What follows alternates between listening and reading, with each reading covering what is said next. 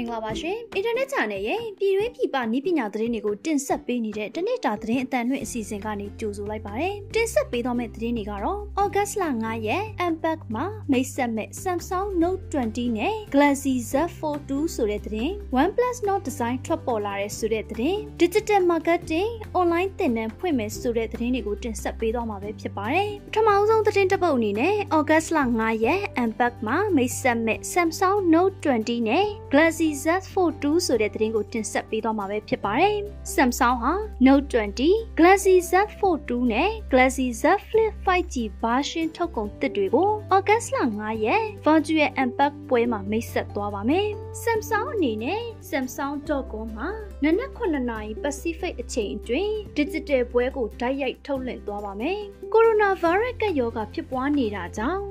Apple လိုမျိုးကုမ္ပဏီတွေ online ပွဲတွေပြုလုပ်ခဲ့တာကြောင့် Samsung လည်းအလားတူပြုလုပ်ခဲ့ပါတယ်။ Samsung ကပွဲအတွင်း Galaxy Fold 2ကိုမိတ်ဆက်နိုင်ပါတယ်။ပထမ Galaxy Fold model ရဲ့သုံးသက်ရေးသားမဲ့ထုတ်ကုန်အတွင်းညနေပြင်အားနည်းချက်တွေ့ရှိပြီးတဲ့နောက်မိတ်ဆက်မဲ့ကာလ9လအထိနှောင့်နှေးခဲ့တယ်။ဒီနှစ်မှာတော့ Galaxy Fold 2ဒါမှမဟုတ် Galaxy Z Fold 2အမိရမဲ့ထုတ်ကုန်ကိုထပ်မံမိတ်ဆက်ပါမယ်။ ထောက်ကုန်တစ်ကအရင်ကအမားတွေပြင်ဆင်ပြီးတိဆောက်ထားနိုင်ပါတယ်။ Samsung ဟာ Fold 2မှာ plastic အစားမှန် display နဲ့အတွင်းဘက်မျက်နှာပြင်ကိုပုံမကြီးမားအောင်တိုးချဲ့နိုင်ပါတယ်။ကောလာဟာလာတချို့အရာ S Pen Stylish ပါဝင်လာနိုင်ပါတယ်။ဈေးကြီးတဲ့ Fold 2အပြင်ဈေးသက်သာတဲ့ Fold E ဒါမှမဟုတ် Fold Lite ကိုလည်းမိတ်ဆက်နိုင်ပါတယ်။ Samsung ဟာခောက်နိုင်တဲ့ Z Flip 5G version ကိုလည်းထုတ်ဖော်ပြသနိုင်ပါတယ်။ ပထမ model ကိုတော့ February လလယ်အတွင်းဈေးကွက်တင်သွင်းခဲ့တယ်။ Samsung ရဲ့ August လ9ရက်ပွဲမှာ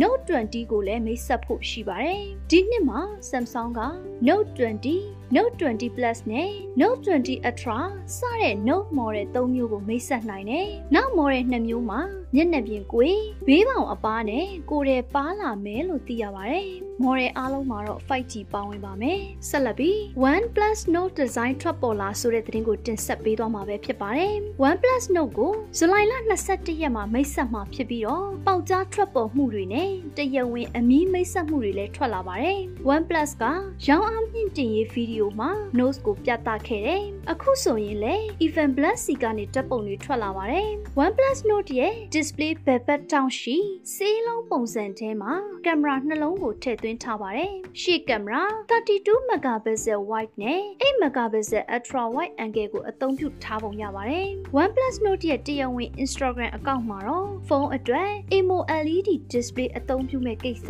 ကိုမိမိတစ်ခုနဲ့ပုံဖော်ခဲ့ပါတယ်။ရောင်းအားမြင့်တင်ရေးစာမျက်နှာမှာတော့ OnePlus Note ရဲ့ panel အတွက်အမြင့်ဆုံး refresh rate အသုံးပြုထားပါတယ်။ OnePlus Note ကြောဘက်ကင်မရာကတော့လေးလုံးဖြစ်ပြီးတော့48 megapixel, 8 megapixel ultra wide, 5 megapixel macro နဲ့2 megapixel depth sensor တို့ပါဝင်နိုင်ပါတယ်။နောက်ဆုံးသတင်းတစ်ပုဒ်အနေနဲ့ digital marketing online သင်တန်းဖွင့်မယ်ဆိုတဲ့သတင်းကိုတင်ဆက်ပေးသွားမှာပဲဖြစ်ပါတယ်။ရန်ကုန်တိုင်းဒေသကြီးကွန်ပျူတာပညာရှင်အသင်းမှကြီးမှုပြီး digital marketing အမှတ်စဉ်နဲ့ online သင်တန်းကိုဇူလိုင်လ18ရက်မှာဖွင့်လှစ်သွားမယ်လို့သိရပါတယ်။သင်တန်းမှာ digital marketing အကြောင်းသိလို့သူတွေဈေးကွက်မဟာဗျူဟာအကြောင်းသိလို့သူတွေကို Japanese style management ပုံစံဖြင့်ဈေးကွက်ချိတ်ဆက်ပုံနည်းလမ်းများသင်ကြားပေးမှာဖြစ်ပြီးတော့ workshop နဲ့ case study ကိုပါပါဝင်လှုပ်ဆောင်ရမှာပဲဖြစ်ပါတယ်။သင်ကြားရမယ့်ဘာသာရပ်တွေကတော့ What is digital marketing, market research, branding, personal marketing, customer journey map, triple media strategy,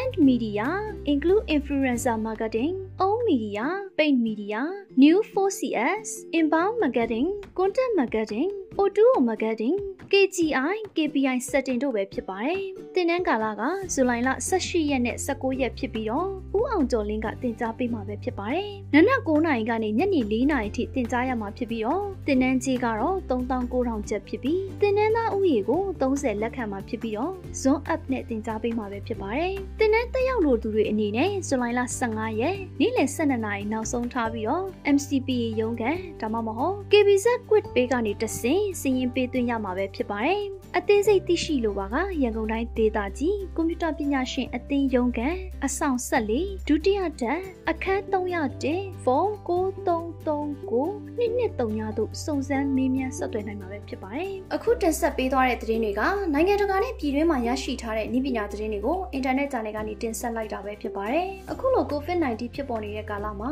ပြည်သက်တွေအနေနဲ့လည်းကျန်းမာရေးနဲ့အာကစားဝန်ကြီးဌာနရဲ့လမ်းညွှန်မှုတွေနဲ့အညီလိုက်နာဆောင်ရွက်ခါနေထိုင်သွားလာဖို့တိုက်တွန်းလိုက်ပါတယ်။ကျွန်မကတော့ဝေမြင့်မှုပါ။